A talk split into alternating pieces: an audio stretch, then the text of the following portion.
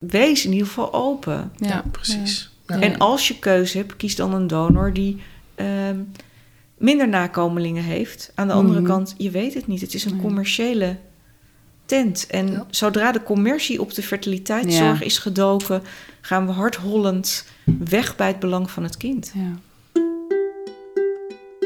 Ik ben Jelmer. Ik ben Jul. Sinds kort weten we dat we halfzus en broer zijn. We zijn donorkinderen van gynaecoloog Jan Wildschut, die in de jaren 80 en 90 zijn eigen zaad gebruikte bij vruchtbaarheidsbehandelingen. We hebben inmiddels meer dan 50 halfbroers en zussen. Samen stappen we in de auto, op de fiets of in de trein en gaan we op bezoek bij leden van onze nieuwe familie. Sommige kennen we al een beetje, andere zien we voor het eerst in ons leven. Aan hun keukentafels gaan we met hen in gesprek. Wat heeft donorkind zijn voor invloed gehad op je kindertijd? Hoe doe je dat? Opeens deel uitmaken van zo'n enorme groep halfbroers en zussen. Wat betekent het als de maatschappij jouw ontstaan afdoet als een schandaal? En was het dat eigenlijk wel? Dit is DNA-zaten. Je gaat luisteren naar een gesprek met Sarah Koster. Ze heeft een eigen praktijk als counselor op het gebied van donorschap, draagmoederschap en intentioneel co-ouderschap, oftewel gezinsvormen van nu. Daarnaast is ze bestuurslid bij Stichting Meer dan Gewenst en is nog aangesloten bij diverse andere organisaties rond deze thema's. Sarah counselt mensen neutraal, geeft wensouders informatie en stelt verdiepende vragen om ze te helpen bij een weloverwogen, goed geïnformeerde en zorgvuldige keuze en proces met het belang van het kind hoog in het vaandel. Haar persoonlijke keuze voor co-ouderschap en eventuele gedachten en zorgen over zaken staan daar los van. In deze podcast spreekt ze op eigen titel, namens zichzelf, niet namens de organisaties waaraan ze verbonden is. Omdat we dit gesprek zo mooi en inspirerend vonden en we het de aandacht willen geven die het verdient, hebben we het opgesplitst in twee delen. Vandaag hoor je deel 1, volgende week het vervolg.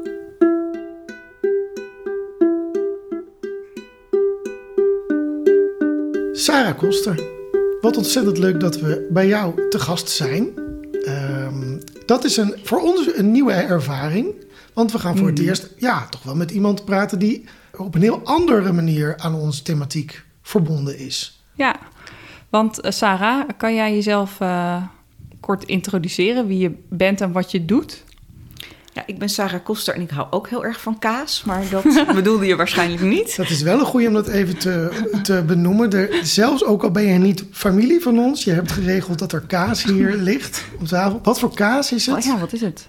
Het is eh hooikaas en het is stolwijkerkaas. En dan echt, ik weet één winkel waar ze de allerlekkerste stolwijker hebben. Wat is typisch Oh. voor stolwijkerkaas? Ja, het is gewoon een smaak die door je hele mond heen gaat. Gewoon heel lekker. ik ben heel benieuwd. Vooral als die op kamertemperatuur en welke Dus dat is welke? Want hier is eentje met gaatjes. Ja, dat is de stolwijker. Dat is de stolwijker. Hooikaas. Jul, niet Nee, nee, nu nee, pakken. nee. Want dan zit je weer te smakken in mijn oor. Dat, dat, Ja, dat mag sorry. niet. Dat Nee, mijn, ik, ik ben eh, eh, geen donorkind, maar kind van een eh, eh, Joodse grootvader die een koosjere kaasgroothandel had. Dus kaas is bij Ah, ons Kaas ook zit ook in jouw genen. Ja, ja. En je bent geen donorkind.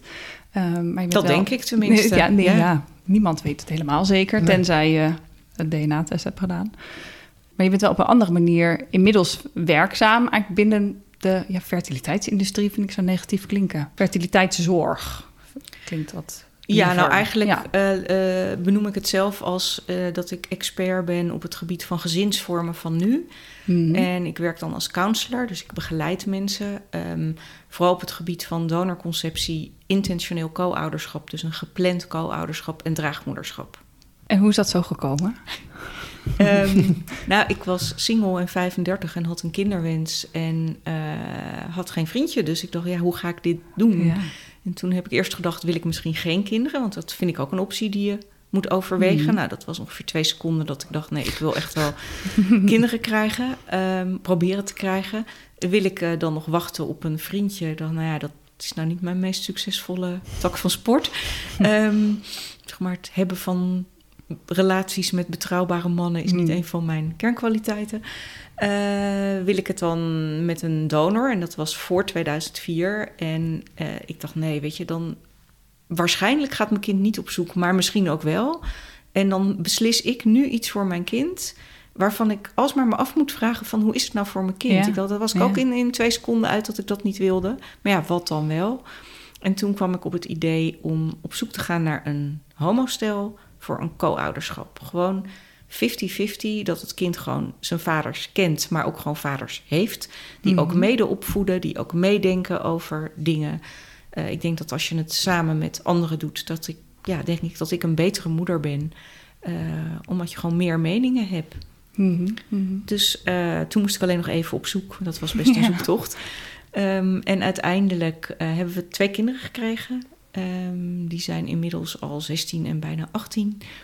En eh, we doen het nog steeds op 50-50 basis met drie ouders. Ik heb er op een gegeven moment een boek over geschreven. Gewoon mijn verhaal beschreven, de wens en de vaders.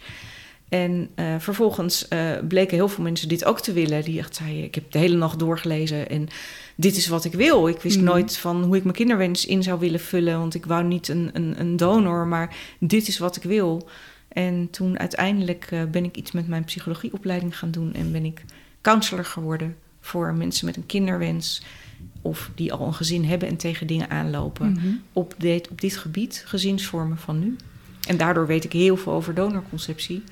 En eh, leer ik ook nog heel veel bij. Ook van jullie podcast, die ik heel trouw luister. Ja. Leuk. En counselor, ehm, kun je nog wat concreter zijn? Wat, wat doe jij zoal als je counselor bent? Eh, ja, dat is heel divers. Mensen kunnen, er kan een single vrouw komen met een van ja, ga ik nou nog op zoek naar een vriendje, weet je wel, in die fase, of wat, wat zou ik nou willen? Het kan een mannenstel zijn, het kan een vrouwenstel zijn, het kan dus over draagmoederschap gaan, het kan de draagmoeder zijn. Eh, op het moment dat ze echt al een setje met elkaar zijn, dat bijvoorbeeld een homostel met een single vrouw komt, eh, dan heb ik drie gesprekken met ze. Eén gesprek met alleen met de wensmoeder, één gesprek met de wensvaders en dan één gesprek met z'n allen. Eh, waarin we eigenlijk een soort matrix maak ik er altijd van. Het zijn drie assen. Eén as zijn eigenlijk alle betrokkenen, want je moet, stel je vindt als vrouwenstel een donor, dan heb je te maken met de donor, maar ook met zijn familie. Mhm. Dan krijg je ook de vraag: worden zijn ouders ook grootouders? Dus alle betrokkenen, inclusief natuurlijk het kind, kind voorop. Hoe is het voor iedereen? Wat jullie nu allemaal afspreken. En eh, een andere as is, ehm, eh, zijn alle eh, facetten. Dus dan moet je denken aan ehm, medisch, juridisch, psychosociaal, ethisch. Is het ethisch verantwoord? Wetenschappelijk, maar ook heel praktisch. Van hoe ga je dit afspreken? Mhm. Hoe zit je erin? Of hoe, hoe reageer je zelf als je niet lekker in je vel zit? Ja, Dat je elkaar toch echt goed moet leren kennen. ja. En eh, de alle fases. Van nu ben je elkaar aan het leren kennen. Op een gegeven moment ga je beslissen. Dan ga je proberen zwanger te worden. Dan Mhm. ben je zwanger. Dan is er een baby. Dan is er een peuter. Dan... Ja. Dus fietsen we al die fases door. En dan met al die facetten en al die betrokkenen. Dus je bent wel even zoet. Ja. Zo, nou. Maar ik vind het en gewoon heel belangrijk. super wel Dat, overwogen. Ja. dat woord wou ik net Oh, zeggen. nou, kijk. Ja, het is Ja. gewoon heel belangrijk dat mensen het heel zorgvuldig, Ja. wel overwogen en ook goed geïnformeerd doen. Dus eh, je moet gewoon alles, alle informatie hebben. Je moet elkaar heel goed kennen. Je moet, ehm, de gunfactor moet erin zitten ehm, naar elkaar toe. Mhm. En er wordt nu wel bijvoorbeeld over eh, bekende donoren en dan via internet. Ja, er gebeurt natuurlijk ook van alles wat niet goed is. Maar er gebeurt ook ontzettend veel wat Ja. wel heel goed is. Ja. En laten we niet het kind met het badwater weggooien. Mooi. Quote. No pun intended, ja. er zijn zoveel mooie verhalen. Ja. eh, onder andere bij Meer dan Gewenst. Dat is de stichting voor regenboogouderschap waar ik bestuurslid ben. Bij ons kunnen mensen op de website een oproepje plaatsen dat ze zoeken naar een donor. En daar zijn zoveel mooie dingen uit voortgekomen. Mhm. Dus je wil de wensouders voorlichten. Zorg dat je niet kiest voor iemand dat je denkt: dit verhaal rammelt, maar we willen gewoon een kind. Doe dat niet. Maar via internet iemand leren kennen die bekende donor voor jou wil zijn, is gewoon wel heel mooi. En dan Ja. ga je iemand heel goed leren kennen en zijn familie en zijn vrienden. Je gaat naar een counselor en dan ga je het juridisch vastleggen en dan ga je pas aan de slag. Ja. Maar je wordt voor altijd op een manier familie van elkaar. Maar laten we niet meteen een streep door heel internet. Precies. Als er één Jonathan is die meer dan duizend kinderen heeft, dat, dat die manier van een donor zoeken meteen helemaal afgedaan moet worden. Ja. Ja, ben nog wel heel benieuwd, maar dat kunnen we ook straks doen hoor. Wat je bijvoorbeeld dan vindt in dat licht van wat de laatste jaren heel erg opkomt. De, de Deense spermabanken. De, de, het idee dat je eh, eh, via zo'n super mooie, mooie site alles over een, een donor te weten kan komen, maar geen contact met diegene hebt. Dat ben ik nog wel benieuwd. Wil je daar nu al iets over zeggen? Of zullen we hem parkeren en straks nog. eh, ik wil er best nu wat Ja, over oh, ik zeggen. ben wel zeg maar, ik heb natuurlijk, mijn persoonlijke verhaal is dat ik heel bewust gekozen heb. Ja. Voor co-ouderschap. Wat ook wel weer ingewikkeldheden met zich meebrengt. Ik bedoel, je moet altijd alles met elkaar afstemmen en overleggen. Ehm, maar als ik mensen counsel over donorconceptie, dan leg ik in ieder geval altijd uit. Wat is nou het verschil tussen een eigen donor die je zelf vindt, een Nederlandse spermabankdonor en een buitenlandse Mhm. spermabankdonor? Bij de eigen donor waarschuw ik voor de, voor de multidonoren. En zeg ik wat ik net allemaal zei, heel belangrijk. Maar ehm, om elkaar heel goed te leren kennen, familie en vrienden, Ja. counseling enzovoort. Bij de kliniekdonor algemeen leg ik, geef ik gewoon wat informatie. En dan leg ik uit van ja, als je kiest voor een Nederlandse spermabankdonor, dan ehm, eh, is er een lange wachtlijst. Ehm, en eh, kan je niet zelf kiezen. Dat zijn redenen waarom mensen vaak voor een buitenlandse spermabank kiezen. Eh, Er is geen wachtlijst, je kan zelf kiezen. Maar, benoem ik daar dan altijd bij, dat zijn de voordelen voor jou als wensouder. Maar de nadelen zijn voor het kind. Want de aantallen, in Nederland Ja. mag een donor 12 moeders helpen. ehm 12 gezinnen vormen. Eh, maar dat geldt, zij leveren aan allerlei landen en dat doen ze cumulatief. Dus ook een aantal gezinnen in Duitsland, ook in Engeland. En ze leveren aan meer dan 100 landen. Ja. Dus jouw kind gaat enorme aantallen eh, halfjes hebben, tenminste dat kan. Ja. Ehm, de spermabanken doen er nogal. ehm, Zeggen steeds wat anders. Als we Ja. vragen van, maar ga je iets aan die aantallen doen? Zeggen ze de ene keer 30, de andere keer 75. Ehm, ik heb ook wel eens gewoon, ja, alles gehoord. Dus ehm, eh, de nationaliteit hoeft niet altijd Deens te zijn. En hoe is het voor je kind als het contact wil? Ja, Als, het denk een- ik als die man geen Ja, Nederlands spreekt. precies. Hoe is het om halfjes te hebben? Maar dat is ook een vraag aan jullie. Ja. Eh, hoe is het om zoveel halfjes te hebben? Maar ook hoe is het om halfjes te hebben die dan niet Nederlands zijn? Ja. In, in, in 100 En überhaupt hè, qua taal. Maar mijn vriend komt uit Engeland en dat ligt hartstikke dichtbij. Maar ik merk zelfs soms al gewoon cultuurverschillen tussen ons twee. Dus dat heb je dan ook tussen al die halfbroers en zussen. Die hebben ook allemaal weer een eigen cultuur waaruit ze voortkomen en een andere taal. Dus hoe ga ja, je, je, je bent al in andere gezinnen opgegroeid. Ja, En het zijn er zoveel. ja. Dus ehm, ik benoem dat wel. Van je, ik benoem de feiten. Maar ik benoem ook dus de voordelen zijn voor de wensouders. De nadelen zijn voor het kind. En ik leg ook altijd uit... ehm, het, is nu, het lijkt nu misschien een makkelijker keuze dan een bekende donor. Want met een bekende donor moet je gaan overleggen. En hoe wil je dat? Hoeveel contact gaat er zijn? Dus dat is nu even gedoe. En je moet het vastleggen bij een advocaat en zo. Elkaar goed leren kennen. Het is nu even gedoe. Maar dan is wel, ben je wel klaar. Want de hele legpuzzel is er. Je Ja. weet, dit is mijn donorvader. Dit zijn mijn halfbroers en halfzussen. De puzzel ligt goed om. Er zijn randjes, er is een deksel waar het voorbeeld op staat. Terwijl Ja. met die Deense spermabank ligt de puzzel op zijn kop. Ja. Je weet niet hoeveel stukjes er zijn. Er zijn geen randjes, er is geen voorbeeld. En zo nu en dan draait zich een stukje om. En jij kan als ouder denken... ik heb de deur dicht gedaan van mijn gezin. Hè? We hebben gewoon die donor zo ver mogelijk weg. Mhm. Maar die deur is niet dicht. Die deur staat op een kier. En jouw kind... Ja, die donor kan die- die, is er. Ja, die is of er. je dat nou wil of niet. Ja. En als jouw kind niet op zoek gaat... dan blijft die deur min of meer dicht. Maar als hij wel op zoek gaat... in welke fase van zijn leven dan ook... dan is er achter die deur een enorme wereld voor dat kind. Niet voor jou. Waar die ontzettend veel van hoe ga ik me verhouden tot al die Ja. mensen, tot die donor. Want ik ben nummer, nummer weet ik veel, 312 die ja, zich ook meldt. dat. Ja. En Je kan natuurlijk ook niet... Als je met z'n zessen bent, dan kan je nog het idee hebben dat je iets kan opbouwen met je donorvader. Maar dat kan met 300 natuurlijk ook niet meer. Nee. Nee, dus je, je neemt een beslissing nu.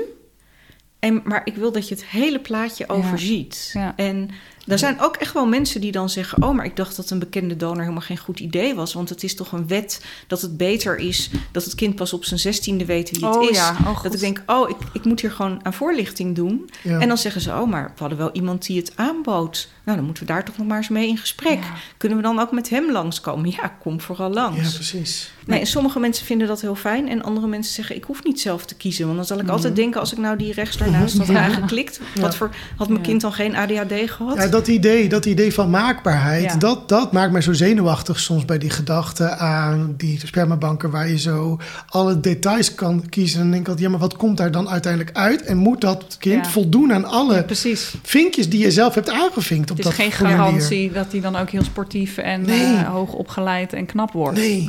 Nee, en de maakbaarheid, die stuit mij ontzettend tegen de Ja. borst. Dat Ja. mensen ook, nou, mijn eerste kind dit en mijn tweede kind dat. Dat ik denk, joh. Ja.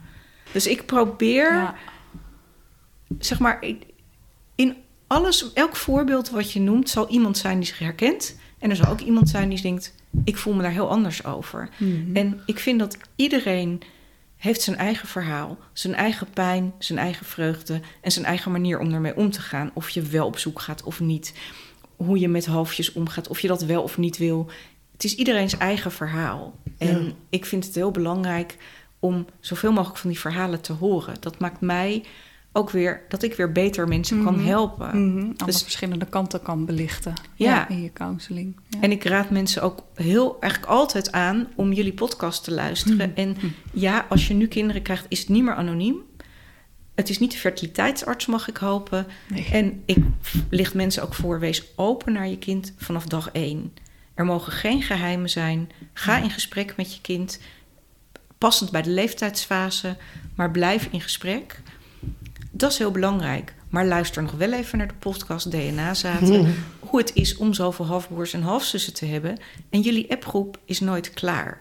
Nee, Je hebt geen idee hoeveel het er uiteindelijk gaan worden. nee dat klopt. Dat, en hoe ga je je verhouden? Bij de eerste denk je, oh, een halfbroer. Maar bij nummer 81 ga je dan nog net zo enthousiast... Terwijl diegene komt binnen van, Ja. oh, ik heb jullie gevonden. En jij denkt, ja, maar ik heb er al zes met wie ik heel intensief contact heb. Ja. En 60 met wie ik een Mhm. beetje contact heb. Dan moet je wel weer heel diep ademhalen. Ja. Ik bedoel, we vragen wel iets van de kinderen die we nu aan het maken Ja, zijn. Ja, om dat allemaal En- te kunnen incasseren. Ja. en de een die niet op zoek gaat, nou prima. En degene die wel op zoek gaat, daar is een heleboel achter die deur.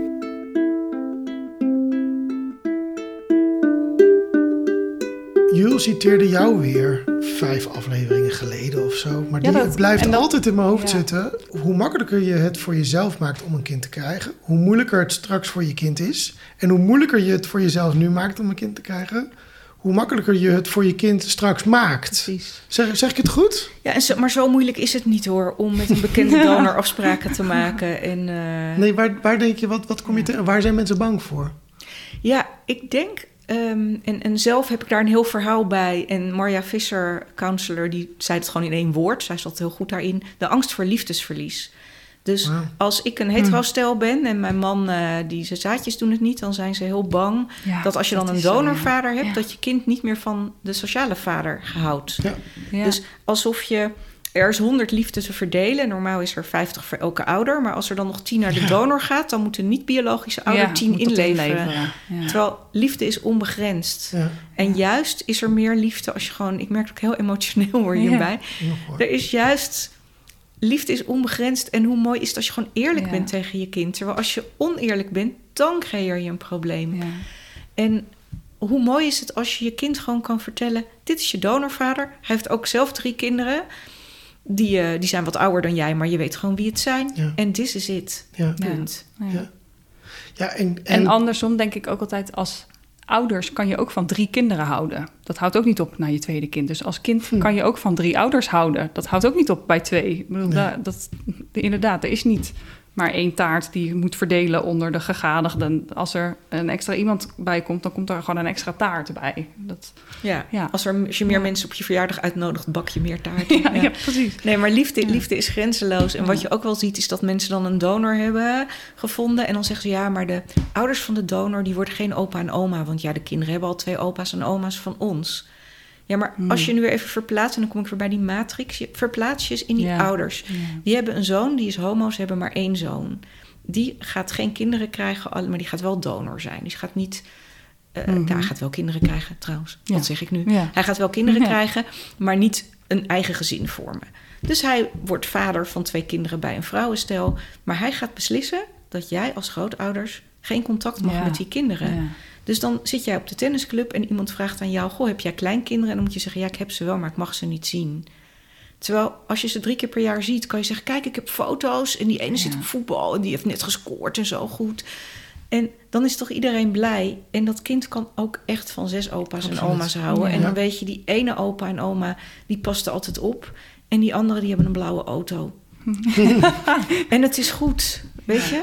En dat zie ik heel erg in die regenbooggezinnen. Als je aan kinderen vraagt hoe is het om op te groeien met twee moeders, drie ouders, whatever. Gewoon. Het is Mhm. heel gewoon. Nou, dat Mhm. zal jij kunnen beamen. Ja. Dus maak het zo overzichtelijk als kan. En daarmee zeg ik niet dat ik afkeur als mensen kiezen voor een spermabankdonor. Maar ik wil wel dat ze alle feiten weten. Ja. Ja. En dat ze open zijn vanaf dag één. Jij bent er dankzij de hulp van een donor. Wees open. Ga het niet verzwijgen. Deze, deze counseling, hè, die je, biedt, je, je zegt, de kern ervan is, wat ik, wat ik vind dat je dit heel mooi verwoordt, als je maar heel goed weet wat alle aspecten zijn, dat je heel goed op de hoogte bent. Wordt diezelfde counseling gewoon door vruchtbaarheidsklinieken geboden in jouw, in jouw ogen?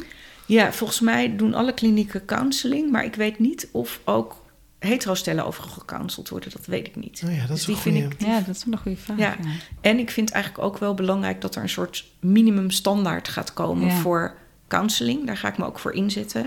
Dat in ieder geval, in bij welke fertiliteitskliniek je ook bent, dat in ieder geval de openheid genoemd wordt. Ja. De, alle dingen die ik eigenlijk net noemde, dat er een soort minimum is, dat moet in ieder geval in het gesprek besproken zijn. Mhm. Ja. Daar moeten mensen van op de hoogte zijn voordat je ze gaat helpen met hun kinderwens. Ja. Ja, Ja. ik denk dat dat heel En goed ik vind ook als iemand zegt, maar we gaan het niet vertellen. We doen net of ik de vader ben. Nee. Dan vind ik eigenlijk dat, dat je door moet gaan met Ja. gesprekken. Tot mensen begrijpen hoe dat, dat, dat liefdesverlies. Dat dat een, een angst is die ze hebben, maar dat die niet terecht is. Kijk, Is dat inderdaad iets wat je wel eens hoort in de gesprekken die je voert?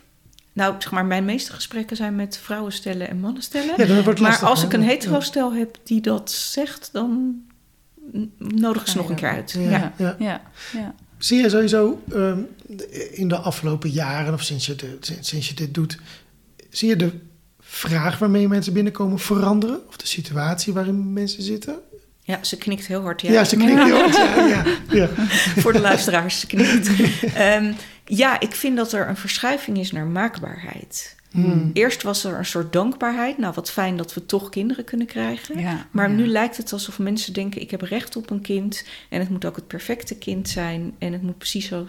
De gezinsvorm moet, precies zo zijn als ik het wil. En dat is lang niet iedereen hoor. Maar ik zie wel een verschuiving. Ja. En dan En leg dat- je ook nogal een druk op zo'n kind, denk ik dan. Want dat kind moet ergens aan gaan voldoen. Dan, eh, Dat kind is er gewoon, dat is zichzelf. Maar dan heb je van tevoren al zulke verwachtingen over wat dat kind jou allemaal moet brengen.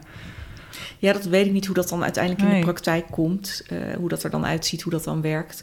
Maar ik, ik, ik zie wel soms mensen dingen vragen. Dat ik denk, nou, die vraag kreeg ik echt vijf jaar geleden niet. Nee. Ehm, eh, dit, gaat wel, eh, dit gaat wel ver. Ik ben dan wel benieuwd, heb je een voorbeeld daarvan? Of is dat lastig om daar een voorbeeld van te geven? Ja, dat is lastig om Ja. daar een voorbeeld van te geven. Nee, je voorbeeld. denk ik al gauw persoonlijke verhalen vertellen. Ja, ja. de dingen die ik vertel komt of vaker voor, Ja. dat ik het gewoon Ja. kan zeggen. Ehm, of ik heb het gecheckt. ja. Maar hoe ga je met die eh, eh, wens om maakbaarheid om als counselor? Lukt het om mensen gedurende de gesprekken daarin hun koers te laten bijstellen? Of hoe, hoe gaat dat? Ja, dat lukt eigenlijk altijd wel. Maar dat zijn de mensen, dat is ook wel het, het goede topje van de ijsberg. Hmm, Want die kiezen ervoor om Ja. zelf naar een Ja. counselor te gaan. Ja, Terwijl dat helemaal niet hoeft. En daar geld aan uit te geven en er Ja. tijd in te stoppen. ja Ehm, precies. dus dat zijn wel mensen, er zit een bias in. Datzelfde heb je inderdaad, hebben wij dan in de huisartsenpraktijk met de preventieve zorg. Ja, de mensen die daarmee bereikt, dat zijn de worried well. De mensen die zich zorgen maken om hun gezondheid, maar heel gezond zijn. Maar de mensen die heel ongezond leven en die het allemaal niks uitmaakt, die bereik je daar niet mee. Dat, Nee. dus daar loop je ook tegenaan. Ja. Maar wat ik dus heel graag zou willen, kijk, het verleden kunnen we niet veranderen. Ehm, het heden en de toekomst wel. Dus daar wil ik me gewoon ontzettend voor inzetten. En ehm, ik zou bijvoorbeeld heel fijn vinden als er een soort interdisciplinaire werkgroep kwam met iemand uit de politiek, ehm, Mhm. iemand van het FIOM, een donorkind, iemand van meer dan gewenst. Nou ja, zo her en der wat eh, mensen. Ehm, en dat we gewoon eens in de gaten gaan houden. Hoe zijn we nu eigenlijk bezig ja. met donorconceptie? Want het gaat niet alleen maar om spermadonatie, maar ook om eiceldonatie en embryodonatie. Je kan gewoon naar Spanje gaan. Dan koop je een AA plus embryo, wat over is gebleven uit een gezin die gewoon twee kinderen heeft dankzij IVF. En er liggen nog drie embryo's in de vriezer. Die verkopen ze. Jij vliegt erheen, je laat dat embryo in jou zitten en je komt terug als zwangere. En dan heb je dus een kind Oh wat dubbel anoniem is, maar wat wel weet, er is een gezin in Ja. Spanje waarmee ik 100% Ja. verwant ben. Mijn beide biologische ouders en mijn broer en zus waarschijnlijk. Ehm, maar ik zal ze nooit vinden, want het is anoniem. Dus er gebeurt van alles. Controle op Nou die ja. Deense spermabanken. Ik bedoel, als ze zich keurig aan regels zouden houden... en we zouden denken, nou, maar dit is eigenlijk wel oké... dan zou ik nog steeds denken... laten we dat systeem dan kopiëren naar Nederland. En dan heb je gewoon Nederlandse donoren. Zodat het voor een kind, weet je, als je dan Mhm. contact wil met de donor, dan is het in ieder geval iemand in Nederland. En zijn je halfjes ook in Nederland. Mhm. Maar we laten nu een heleboel gebeuren, ook omdat de commercie er natuurlijk in zit. Ik denk, laten we gewoon eens met z'n allen kijken, wat kunnen we doen? Ja. En de massadonoren kan je, je wil ze helemaal stoppen. Dat gaat niet lukken, maar we kunnen wel veel meer doen dan we nu doen. Mhm. Die rechtszaak was natuurlijk al geweldig.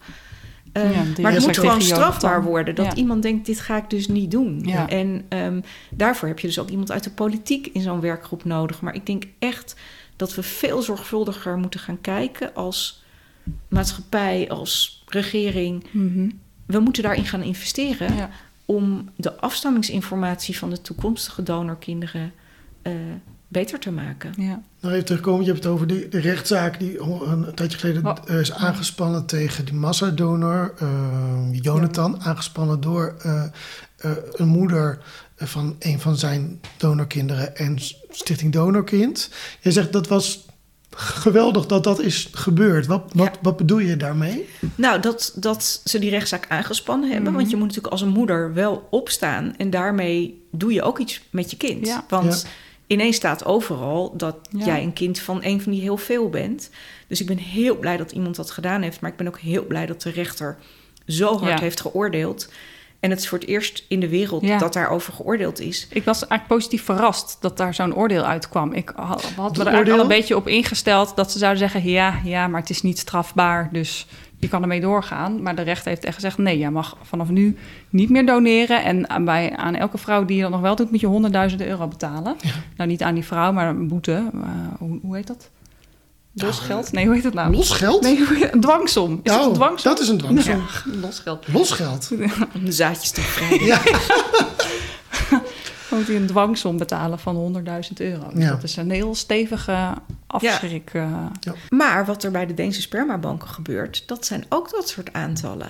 Ja, Moet je denken, ik heb net en even dat opgezocht. voerde hij in die rechtszaak voerde Jonathan dat aan. En daar had hij wel een punt van... ik word hier nu op aangesproken... maar dit gebeurt ook gewoon Ja. door eh, georganiseerde bedrijven... die hier heel veel geld aan verdienen. Ja, maar dan vind Ja. ik dat het, dat het niet inhoudt dat je goed moet Nee, vinden wat precies, Jonathan precies. doet. Maar je moet aan de andere kant argument. kijken. Oh, Ja. dank voor de tip. Dan gaan we daar ook eens naar kijken. Precies, exact Ja. dat. Ja. Maar ik heb net even opgezocht met hoeveel mensen kan je maximaal in een WhatsApp-groep zitten. Dat waren er eerst 512. Dan zou dat dus niet eens kunnen. Maar dat is nu verhoogd naar 1024. Ja, Dus, klopt. Maar gewoon de gedachte ik heb dat, dat, je... rondom deze casus ook opgezocht. En ik dacht, van, zouden zij met z'n allen in een WhatsApp-groep nog passen? En dan is het dus wel.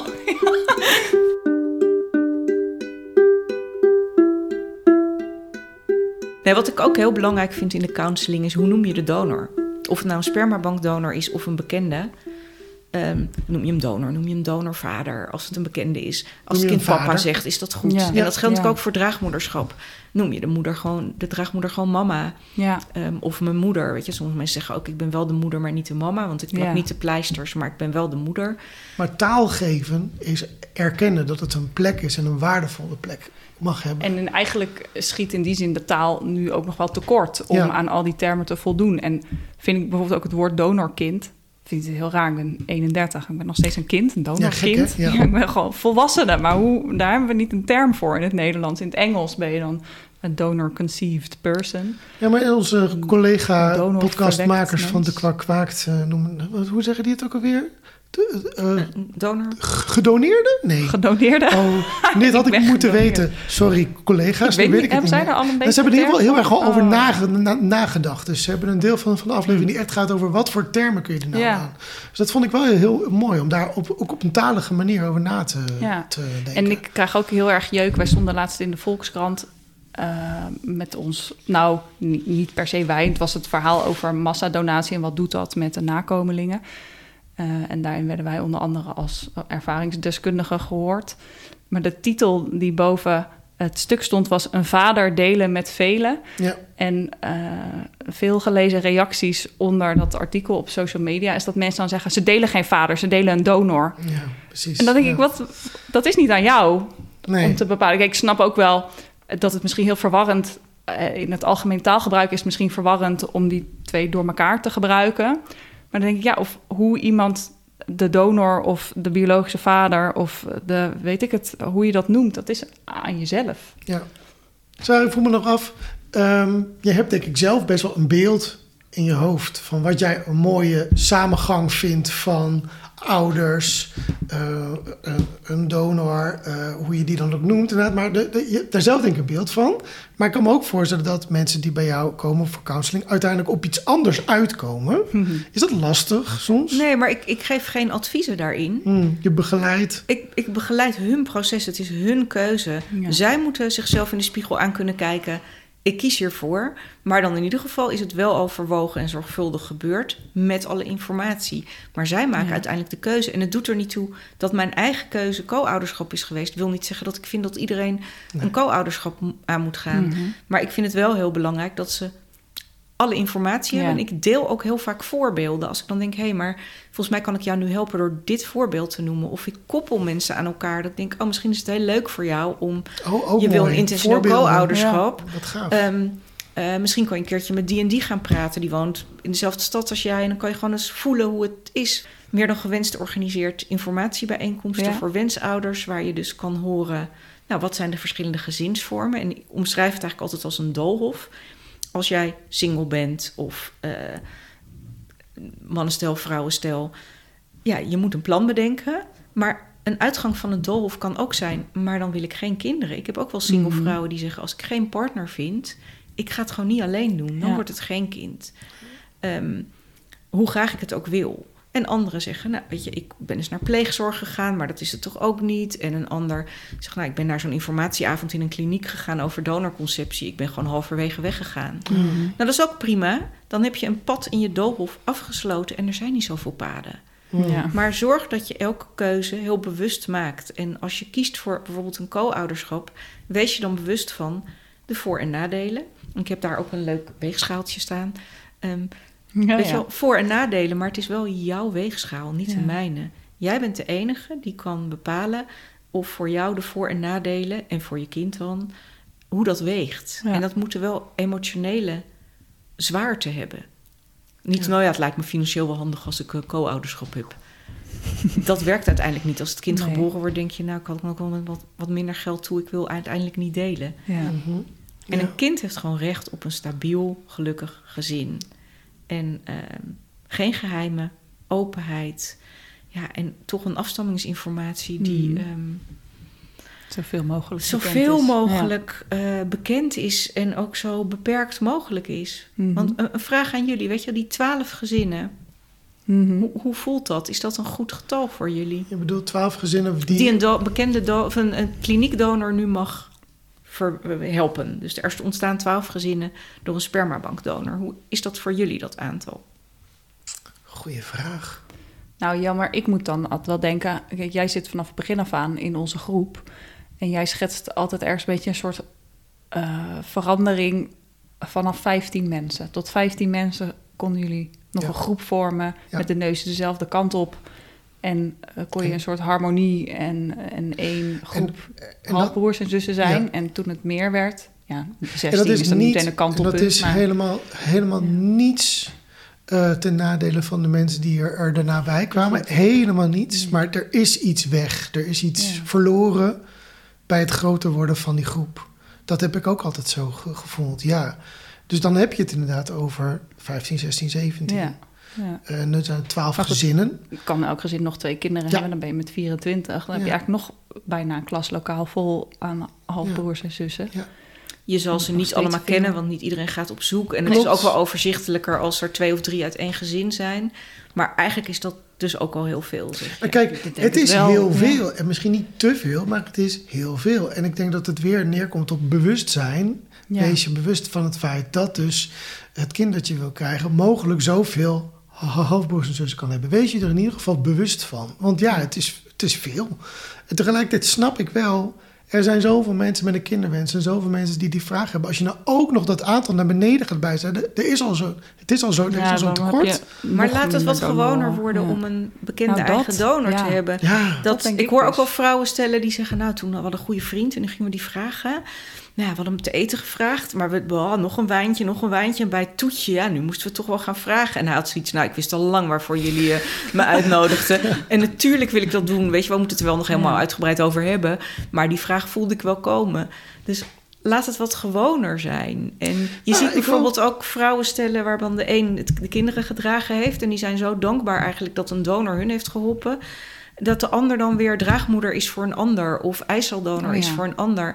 En dan heb je wel een extended familie. Maar je weet alles. Want er zijn eigenlijk drie gezinnen Mhm. aan elkaar verbonden. En op alle verjaardagen is iedereen er. Nou ja. Ja. Ja. nou ja, maar ik hoop ook heel erg. We waren vorig jaar waren we op een, bij een, een con- conferentie waar ook een gesprek was met uh, Fium. En daar, daar werd onder andere het idee ge- geopperd.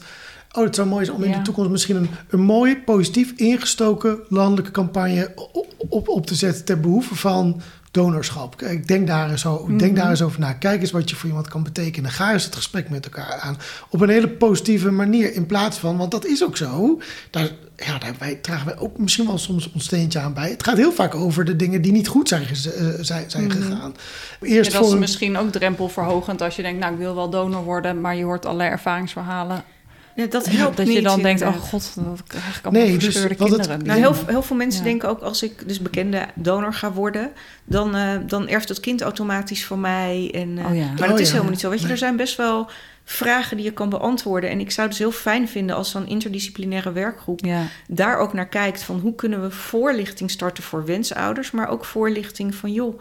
Ehm, je kan een ander helpen. ja. Bijvoorbeeld mensen die nu voor zo'n anoniem embryo naar Spanje gaan. Ja, oh De vriezers liggen hier vol met Nederlandse embryo's die over zijn.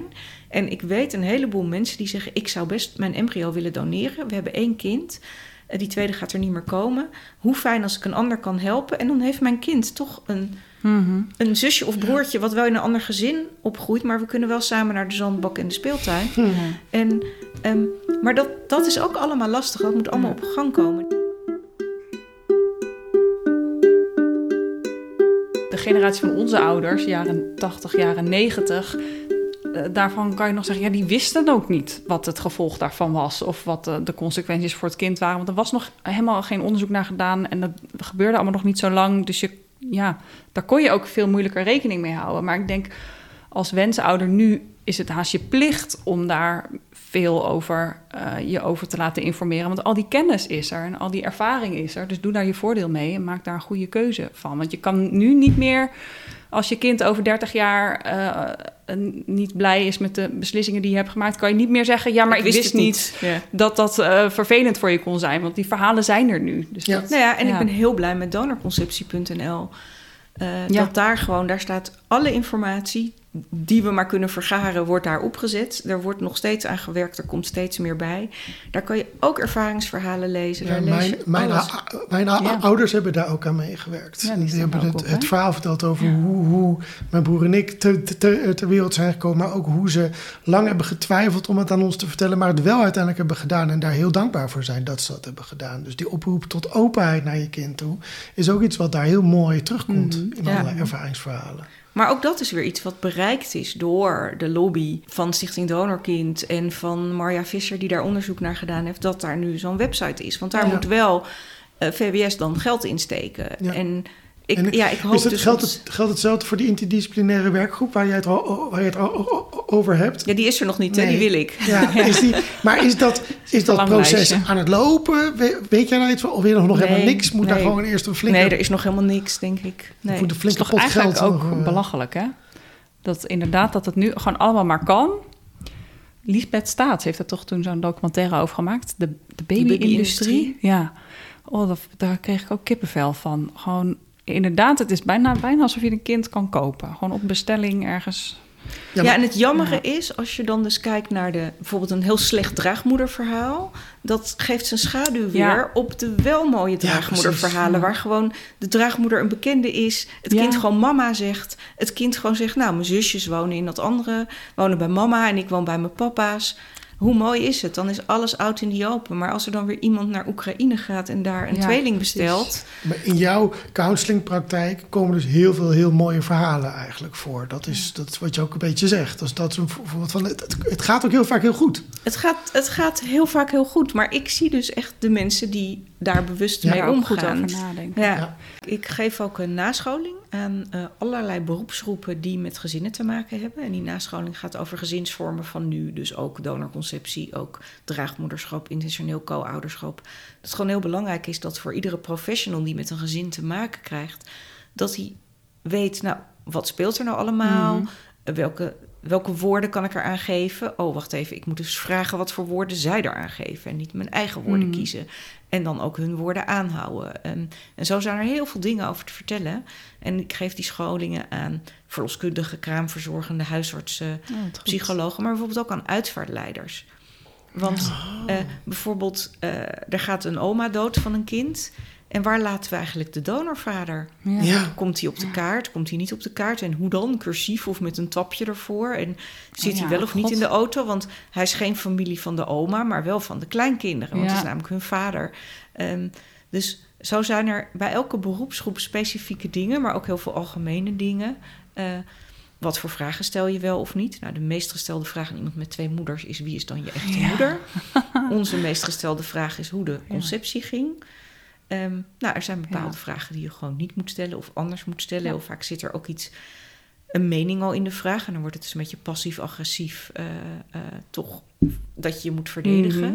Ik vind het heel belangrijk dat mensen die met gezinnen te maken krijgen, professionals, gewoon meer weten over al die gezinsvormen. En dus ook Ja. de nu volwassen donorkinderen, wat daar kan spelen. Ja, en naar wie je door moet verwijzen, waar je informatie kan vinden. Ja, mooi. Ja. Goed. Belangrijk werk doe jij, Sarah. Nou, Je bent in die zin wel een bondgenoot. Ja. nou, dat mag je Ja. zeker, zeker zeggen zo. Ja. Nou ja, dankjewel. Dat probeer ik ook wel te zijn. Waar ik wel natuurlijk altijd fiets over de evenwichtsbalk. Ja. Dat Ja. de vrouwen stellen of de singles Ja. die komen... en die echt gewoon die Deense spermabonkdonor willen. Ik ben niet degene die moet zeggen dat moet je niet doen. Nee. Maar ik leg uit, dit zijn de voordelen, dit zijn de nadelen. Ja, En, hoe ga je het ja, straks aan je kind vertellen? Precies ik probeer dat. er dan toch, wees in ieder geval open. Ja, Ja, precies. Ja. En als je keuze hebt, kies dan een donor die ehm, minder nakomelingen heeft. Aan de andere Mhm. kant, je weet het niet. Het is een commerciële tent. En Ja. zodra de commercie op de fertiliteitszorg Ja. is gedoken, gaan we hardhollend weg bij het belang van het kind. Ja.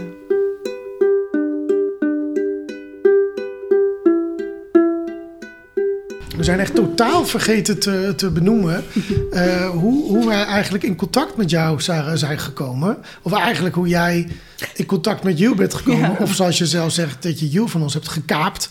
Ja, niet gekaapt, geleend. Ik geef er elke keer weer terug. ja, dat, dat mag hoor. Dat mag, je mag er zo vaak En alles voor- als je wil. Voor de goede zaak. Ja, want wat is die goede zaak? Want Jules, wat heb jij voor raakvlakken met Stichting Meer Dan Gewenst? Of met... Nou, tot voor kort eigenlijk helemaal niet. Maar toen onze podcast eh, online ging in november 2022, naar aanleiding van de eh, boekpresentatie van jouw boek Kit, toen kregen we een mailtje op info.dnazaten.nl van jou, Sarah. Dat klopt. Ik had jou gezien op het podium bij de boekpresentatie. En ik dacht, hé, hey, die heeft twee moeders. Oh ja, oh, jij zat daar in de zaal. Ja, dat- oh, wat leuk grappig, dat je leuk bent idee. gekomen. Ja. Ja. dat was ja, ook, zeg maar ik, ik vind gewoon, het maakt mij een betere counselor. En ik kan ook beter de belangen behartigen richting politiek en media.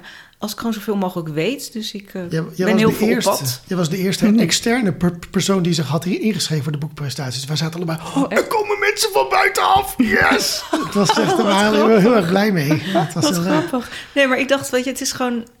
Kijk, jullie verhaal heeft een sausje wat eh, eh, nu niet meer voorkomt, mag ik hopen. De anonimiteit, de geheimhouding en de, en de fertiliteitsarts. Maar er zit ook een heel belangrijk aspect in van het donorkind zijn en volwassen zijn en er Ja, over kunnen vertellen hoe het is om zoveel halfbroers en halfzussen te hebben. En dat doen we natuurlijk nog steeds met die buitenlandse spermabanken. Dus ik vind het gewoon heel fijn als ik sprekers kan vinden bij meer dan gewenst die een verhaal vertellen waar de luisteraars iets aan hebben. En ook het feit, ik ben met twee moeders opgegroeid en dat is gewoon voor mij heel gewoon. Want heel veel vrouwen stellen vragen zich af: kan ik dit Hmm. doen? Weet je, mist het kind dan niet een vader? Of dus jouw verhaal is voor de eh, wensouders die bij meer dan gewenst komen, om meerdere redenen heel fijn. Jij kan vertellen hoe het is om twee moeders te hebben. En je kan vertellen, ehm, joh, die halfbroers en halfzussen, dat Ja. doet wel iets met Ja. je. En ehm, ik ben heel blij. Ik, elke keer denk ik, oh, nog ga ik er weer vragen voor iets. maar het is gewoon heel fijn, want uiteindelijk de ervaringsverhalen, die doen ertoe. Ja. Ehm, dus ik ben heel blij met je dat jij in Ja. mijn eh, winkelwagentje bent beland. Winkelwagentje, ja. En inderdaad, zo af en toe krijg ik een mailtje van je met... Jill, we hebben een informatieavond of we hebben een vergadering hierover of daarover. Wil je je verhaal komen vertellen?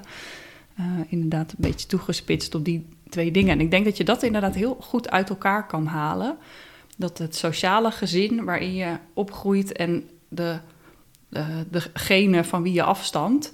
dat dat echt twee losse dingen zijn in die zin. Want opgroeien met twee moeders, ja, echt dat maakt volgens mij helemaal niks uit. Die man die heb je niet nodig om een volwaardig mens te worden. Eh, Maar kennis over je eh, genetische afkomst, dat eh, speelt daarin toch een veel grotere rol dan ik van tevoren had kunnen bedenken eigenlijk. Of wat ik 28 jaar lang dacht. Ja, dat vind ik ook Ja. zo bijzonder. Dat jij dus helemaal niet op zoek was. Nee. En ineens eh, beetje voor de deelde de NOS-app. Ja. jou dat mede. Ja. Ehm, eh, en daar heb je ook een hele mooie quote in. Dat je zegt, ehm, ik kreeg antwoord op vragen waarvan ik niet wist dat ik ze had. Mm. En toen je dat zei, dacht ik, toevoegen aan winkelwagentje. Ja. Naar kassa. Ja. Ja. Ja. ja, nee, dat is ook zo. Ja, ik had helemaal geen vragen over mijn identiteit. Maar als je dan dingen bevestigd krijgt, dan denk ik toch verdorie. Dit is toch een antwoord. Dit is toch een puzzelstukje. Terwijl ik niet het idee had dat ik daarin iets miste.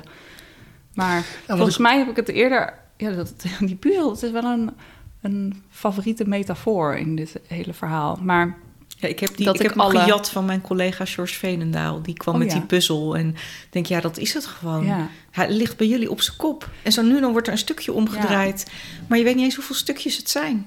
Ja, inderdaad, voor ons totaalplaatje. Maar ik denk bij mij als individu, denk ik, ja, ik had eigenlijk alle puzzelstukjes wel. Ik wist prima wie ik was en wat mijn eigenschappen waren en, en hoe ik ben geworden, wie ik ben geworden.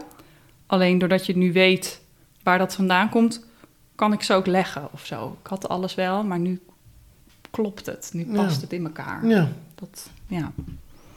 Ik vond het mooi ook, Giel, wat jij vertelde, dat je ehm, opeens je realiseerde door in die zaal te staan, dat, het, dat jouw ehm, stereotyp beeld van ouders, van, Oh, ja. van, van wensouders nog was, mensen van een andere generatie. Maar dit zijn mensen van onze leeftijd. Ja, of klopt. jonger. Of jonger, ja. Ik was daar, want je had me inderdaad daarvoor gevraagd. En dat was een bijeenkomst hier in Amsterdam. En eh, voor wensouders. En ik dacht, ja, dat is ook heel dom eigenlijk. Want eh, natuurlijk zijn dat gewoon mensen van mijn leeftijd. Want al mijn vrienden zijn ook bezig met kinderen krijgen. Maar omdat ik alleen maar wensouders ken van de generatie van mijn ouders... eh, dacht ik, oh ja, dan eh, is er een zaal met eh, mensen van, eh, weet ik wel, 40, 50, 60. en toen kwam ik daar, toen zag ik allemaal mensen van mijn eigen leeftijd. dacht ik, oh ja, Tuurlijk. Natuurlijk, dat zijn de wensouders van nu. Dat is ook zo. Ja, Ja. heel dom eigenlijk. Tijdens jouw verhaal keek ik de zaal in. Ik zat naast jou op het podium en ik keek Mhm. de zaal in. En jij was natuurlijk heel erg druk bezig om niet de wildschutslide te vroeg te laten Mhm. zien. en, ehm, dus je was je verhaal zo aan het ja. houden. En toen kwam die wildschutslide en echt de monden van al die mensen gingen open. En die bleven gewoon minutenlang echt open hangen. Het was echt... Waarom wilde je die slide niet zo snel laten zien? Ehm, nou, omdat ik ook niet te veel wil afleiden. Van twee Eh, moeders. Heel, ja, ja. Ja, ja, Eh, ja, precies. Want dan, gaat het, dan eh, ben je weer alleen maar het schandaal, Ja, ik zeg maar. Dan, denk je, dan ga je een beetje voorbij aan de inhoud. Ja, Plus dat die mensen daar niet voor komen. Die komen Nee. voor hoe is het om twee moeders Ja. te hebben? Hoe is het om Ja. eh, niet te weten wat je andere genetische helft is en daarna dat wel te weten? En Ja. hoe is het om dan zoveel halfbroers en halfzussen te hebben? Maar het hele verhaal over eh, de fertiliteitsarts, ik mag hopen dat we die niet eh, nu Dat ook nog niet aan het doen zijn. gebeurt. Nee, Nee. ik hoop Ja. het ook niet, nee. Nee. wat dat betreft moeten wij de intro van onze podcast eigenlijk gaan veranderen, hè, Jill? Zeg ik nou net te we- denken. Omdat, die- omdat die hele intro gaat over... wij zijn twee, twee kinderen van een, van een gynaecoloog... Ja. en we hebben heel veel halfbroers en zussen. En daarover gaan we in gesprek. Terwijl wij willen juist volgens mij ook verder. We Ja. willen het gesprek breder eh, voeren. Ja, dat is waar. Misschien krijgen we voor volgend seizoen wel een andere intro. Ik, eh, ja. En de aan, het aantal klopt niet meer. Nou, het klopt nog Ja, wel. meer het dan is meer dan 50, 50 ja. is het nog steeds. Maar, Het is meer dan 60, 60, zouden ja, we precies. kunnen Ja, zeggen. ja. Ja. Of gewoon bij elke aflevering ding dong 61. Mhm. Ja, je wil enerzijds, je, je, je moet het benoemen, je wil het ook be- benoemen, want dat is gewoon een feit. En het, het, het, het doet ook wel iets met, met, mensen hun aandacht. Dat vind ik ook altijd wel fijn. Als ik dit voor een middelbare schoolklas doe, dan is het wel altijd vanaf het moment waarop ik dat vertel, dan precies wat jij net, Sarah, omschreven. Dan gaan ook bij middelbare schoolklassen gaan alle monden open. Dus dat is ook wel weer lekker of zo, dat je dan de aandacht hebt. Uh, maar je wilt tegelijkertijd ook niet dat het de hele tijd alleen maar daarover gaat. Ja. Want het gesprek is zoveel veelzijdiger dan alleen dat. Ja, je Nou, en moet plus het dat- denk ik vooral ook relevant maken voor nu. En, Precies. Ja. En dat vind ik zo goed hoe jullie dat doen. Want natuurlijk is er pijn bij jullie en er is van alles, allerlei emoties. En iedereen heeft zijn eigen emoties, die mogen er allemaal zijn. Maar het verleden kunnen we niet veranderen. En het fijne van jullie podcastserie is gewoon... het zijn de verhalen die verteld worden... en daar kunnen de mensen van nu van leren. Uiteindelijk kunnen we alleen de toekomst veranderen. Je luisterde naar het eerste deel van ons gesprek met Sarah Koster. Volgende week het vervolg waarin Sarah vooral ons vragen stelt. Tot dan! Dit was DNA Zaten, een podcast van Jelmer en Jules. Wil je ons steunen? Ga dan naar vriendvandeshow.nl slash dnazaten. Je kunt ons ook volgen. Kijk dan op Instagram, dnazaten. Heb je behoefte aan meer informatie? Kijk dan op de websites van FIOM, Stichting Donorkind en het landelijk informatiepunt Donorconceptie. De linkjes vind je in de show notes en op dnazaten.nl. Ben je op zoek naar verdieping? Lees dan de roman Kit, K-I-D, die Jelmer heeft geschreven over zijn verhaal en die je kan vinden in de boekhandels. Tot de volgende!